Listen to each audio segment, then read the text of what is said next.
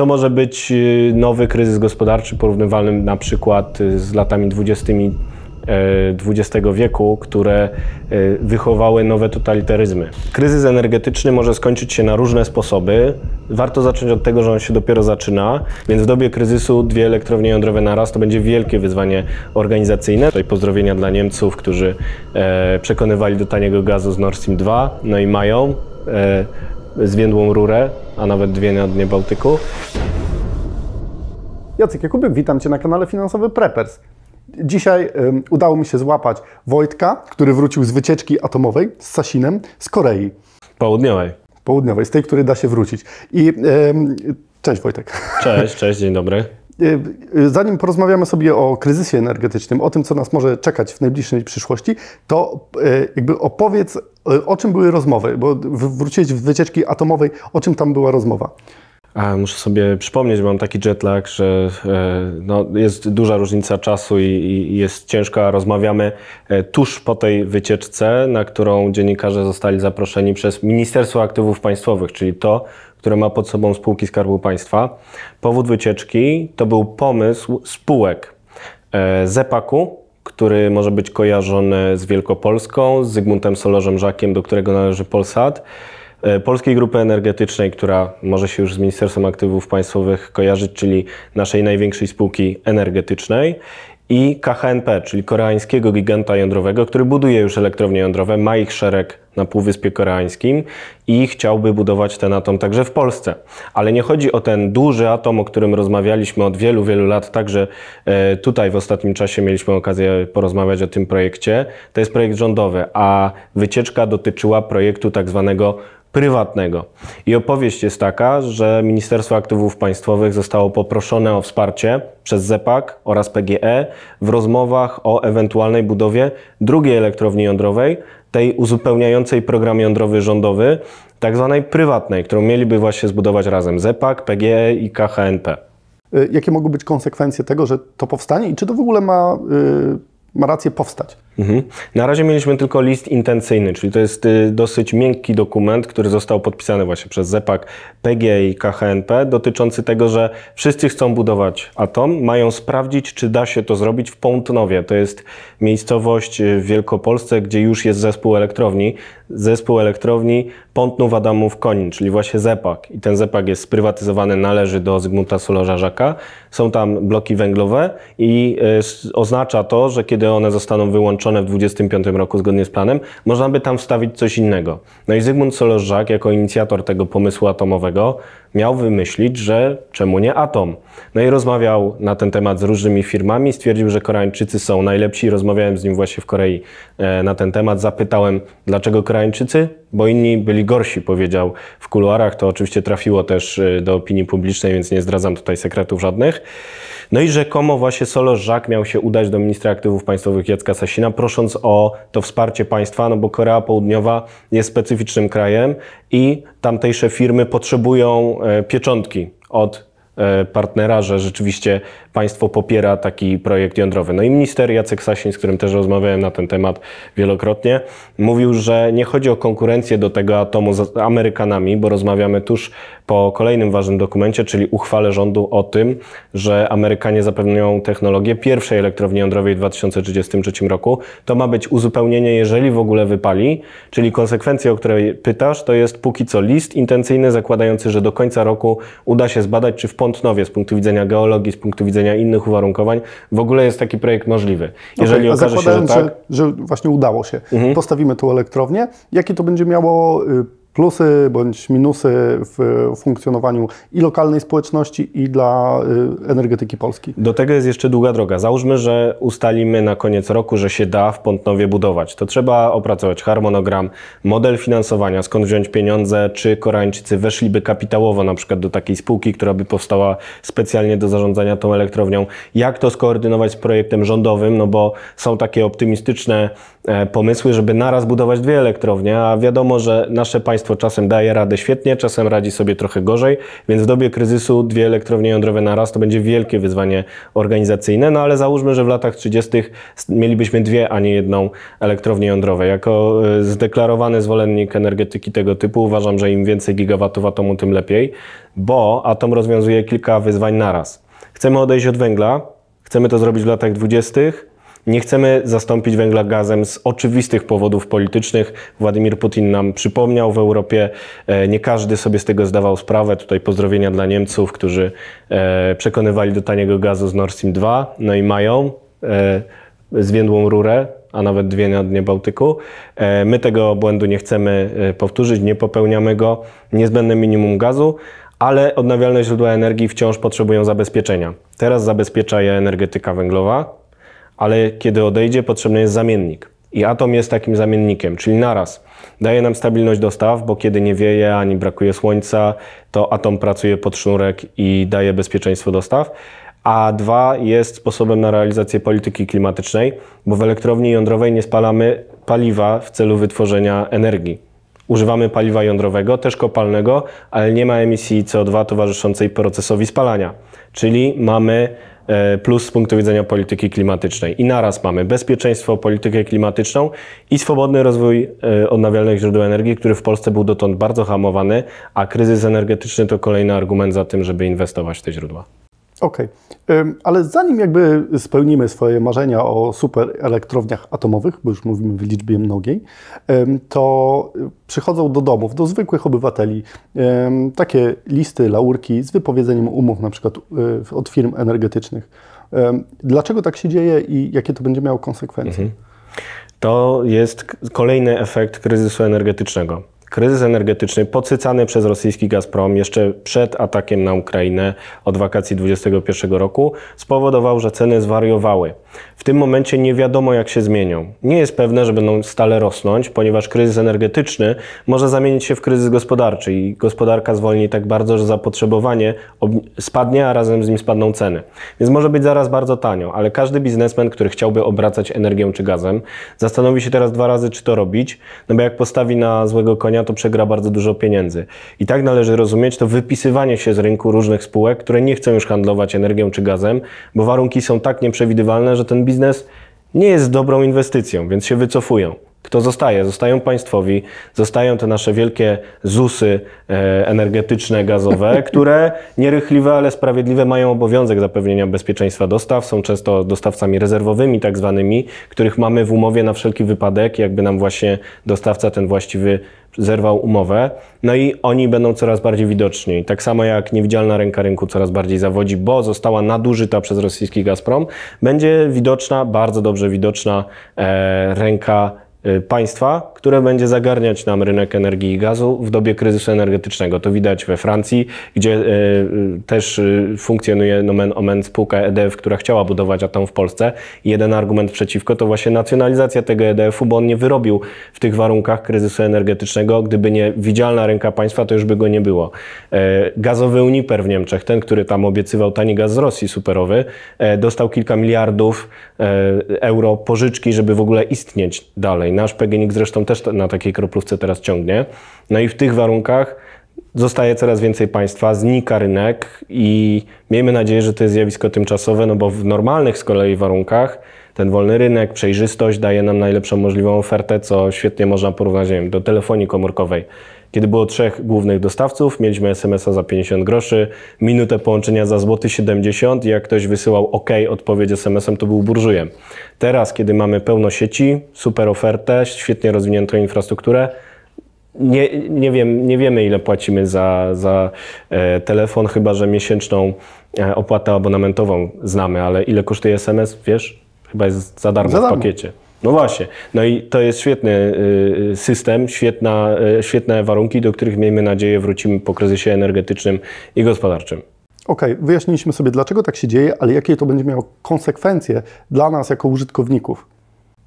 E, zrywanie umów przez spółki obrotu działające normalnie na rynku jest zabezpieczone e, instytucją odbiorcy rezerwowego. To znaczy, jak zobaczymy sobie na naszą umowę, zawsze na drugiej stronie jest możliwość wyboru tego e, dostawcy rezerwowego. Warto to zrobić samemu, no bo ten dostarczony z urzędu daje nam droższą ofertę, mniej korzystną z naszego punktu widzenia, ale jest to rozwiązanie, które gwarantuje ciągłość dostaw zawsze z tyłu jest backup w postaci takiego dostawcy i ci klienci, którzy tracą umowy e, z dostawcą e, docelowym, dostają umowę rezerwową, ona czasami jest droższa, nie jest tak korzystna, ale mamy ten prąd, mamy ten e, gaz, więc jest rozwiązanie legislacyjne, które daje jakieś bezpieczeństwo na ten moment. Okej, okay, czyli w zasadzie taki przeciętny obywatel nie ma się czym martwić, bo wejdzie operator rezerwowy, dostawca rezerwowy, który zapewni nam ciągłość. Y, czy to się odbije na cenach? Wydaje się, że tak. To znaczy y, fakt, że mamy coraz większą koncentrację na rynku, że wchodzi widzialna ręka państwa, różne subsydia, które nam zaniżają ceny, długofalowo spowoduje, że oferta będzie gorsza. To znaczy rynek przestaje działać, a ta widzialna ręka państwa nie jest zawsze tak efektywna, jakbyśmy chcieli, co świetnie widać z różnych instytucji dobrze nam znanych. No fajnie to e, porównać do ZUS-u. No, no właśnie, tak. Każdy przedsiębiorca wie, jakie to są uroki. Oczywiście wiele się zmieniło, ale jednak takie molochy państwowe często radzą sobie gorzej. Ale z drugiej strony właśnie w czasach kryzysowych można liczyć tylko na nie, bo y, rynkowi powiedzą, że się wypisują i koniec, i radźcie sobie. Więc dobrze, że ta widzialna ręka w końcu działa, ale y, kryzys energetyczny może skończyć się na różne sposoby. Warto zacząć od tego, że on się dopiero zaczyna i że nie wiemy, co się jeszcze wydarzy. Mamy wielki element nieprzewidywalności na wschodzie. Wojna na Ukrainie może się zaraz skończyć, może dalej eskalować, może się nawet zamienić w trzecią wojnę światową. Czyli wniosek jest taki, że jakiekolwiek analizy są obarczone dużym marginesem błędu. Bo ostatnio rozmawialiśmy na wywiadzie, że takiego typowego blackoutu nie będzie. Będziemy mieli problemy, ale jeżeli byśmy mogli je zdefiniować, jakie problemy są realne tak naprawdę w tym mhm. momencie. Y, globalny blackout nam prawdopodobnie nie grozi, dochodzi lokalny, nowe zjawisko. Mówimy o Polsce, my jesteśmy e, lo, lokalnym jakby. Tak, ale lokalnie w Polsce, czyli raczej całe miasto odcięte od prądu to już jest scenariusz na atak cybernetyczny Rosji, który też jest możliwy, bo mamy coraz więcej incydentów w infrastrukturze energetycznej NATO. Po tym jak ktoś wysadził Nord Stream pierwszy i drugi, o co Rosjanie oczywiście oskarżyli złych anglosasów, imperialistów, kapitalistów od czasów so, sowieckich znamy dobrze tę I polską złotówkę, że tak szorowała pod nie, że popsuła im rury. No, no, no właśnie, tak. Więc teraz nasza złotóweczka e, może wróci do kondycji, a może nie. Zobaczymy, ale to jest właśnie też temat związany z tym, o czym mówimy, bo e, może być tak, że dojdzie do eskalacji, która nam znowu wywinduje ceny surowca, ale może być całkiem przeciwnie.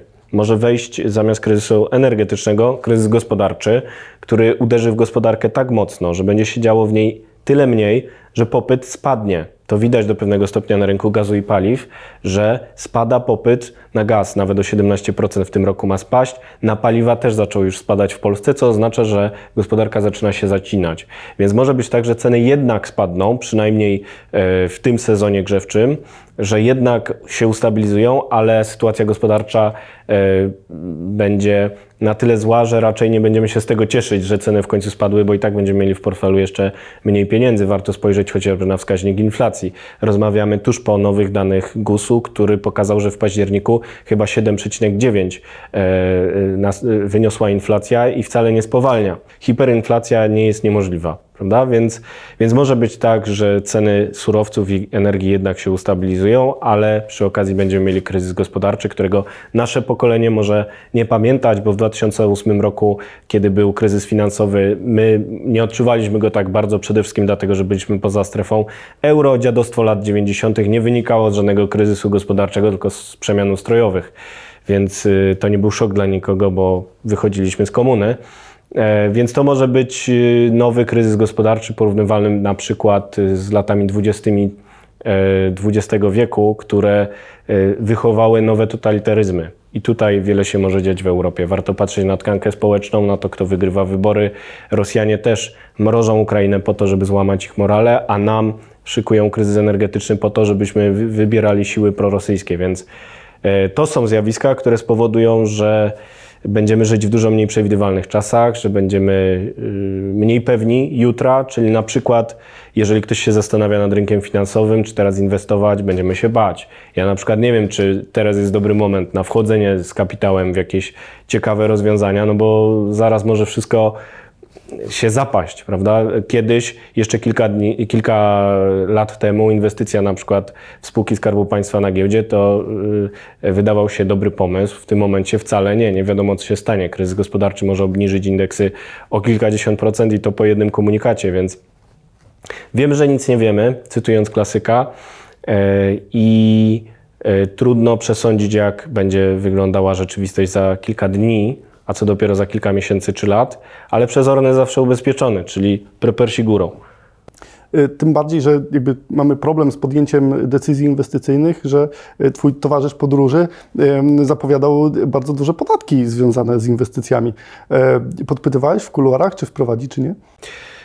Chodzi o daninę, jak e, mówi o nich właśnie autor tej propozycji. Danina, nie podatek z tego względu, że to miał być jednorazowy taki pobór nadmiarowych przychodów różnych podmiotów prywatnych i państwowych, bardzo szerokie grono spółek na wieść o czym giełda zareagowała dużym tąpnięciem, no bo faktycznie takie zbieranie pieniędzy z rynku, które oczywiście miały służyć potem na walkę do walki z kryzysem energetycznym, e, mm, może być porównane z taką akcją Robin Hooda czy Józefa Piłsudskiego, który zbiera e, pieniądze na, na, na walkę niepodległościową w dwudziestoleciu międzywojennym. Mniej przystaje do, do gospodarki rynkowej. Wiem, że ten pomysł został odłożony na razie na półkę, wywołał duże negatywne oddziaływanie e, w opinii publicznej e, nie spodobał się społeczeństwu.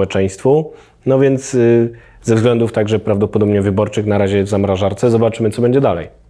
Tak, Robin Hood brał 10%, ale wracając do e, kwestii e, takiego prepersa, żebyśmy zostali takim prepersem, ostatnio widziałem e, artykuły, programy poświęcone temu, że jeden blok, w którym wszyscy się dogadali, zrobili sobie pompę ciepła, zasilają energię elektryczną z paneli na dachu i ten blok jest w zasadzie samowystarczalny. Czy my możemy też zostać takimi prepersami powiedzmy i y, jakoś poradzić sobie samemu w tym kryzysie. Mhm. Czy, czy takie inicjatywy są e, jakby fajne, czy masz jeszcze, jeszcze jakieś pomysły na to, żeby y, ludzie korzystali z jakichś rozwiązań?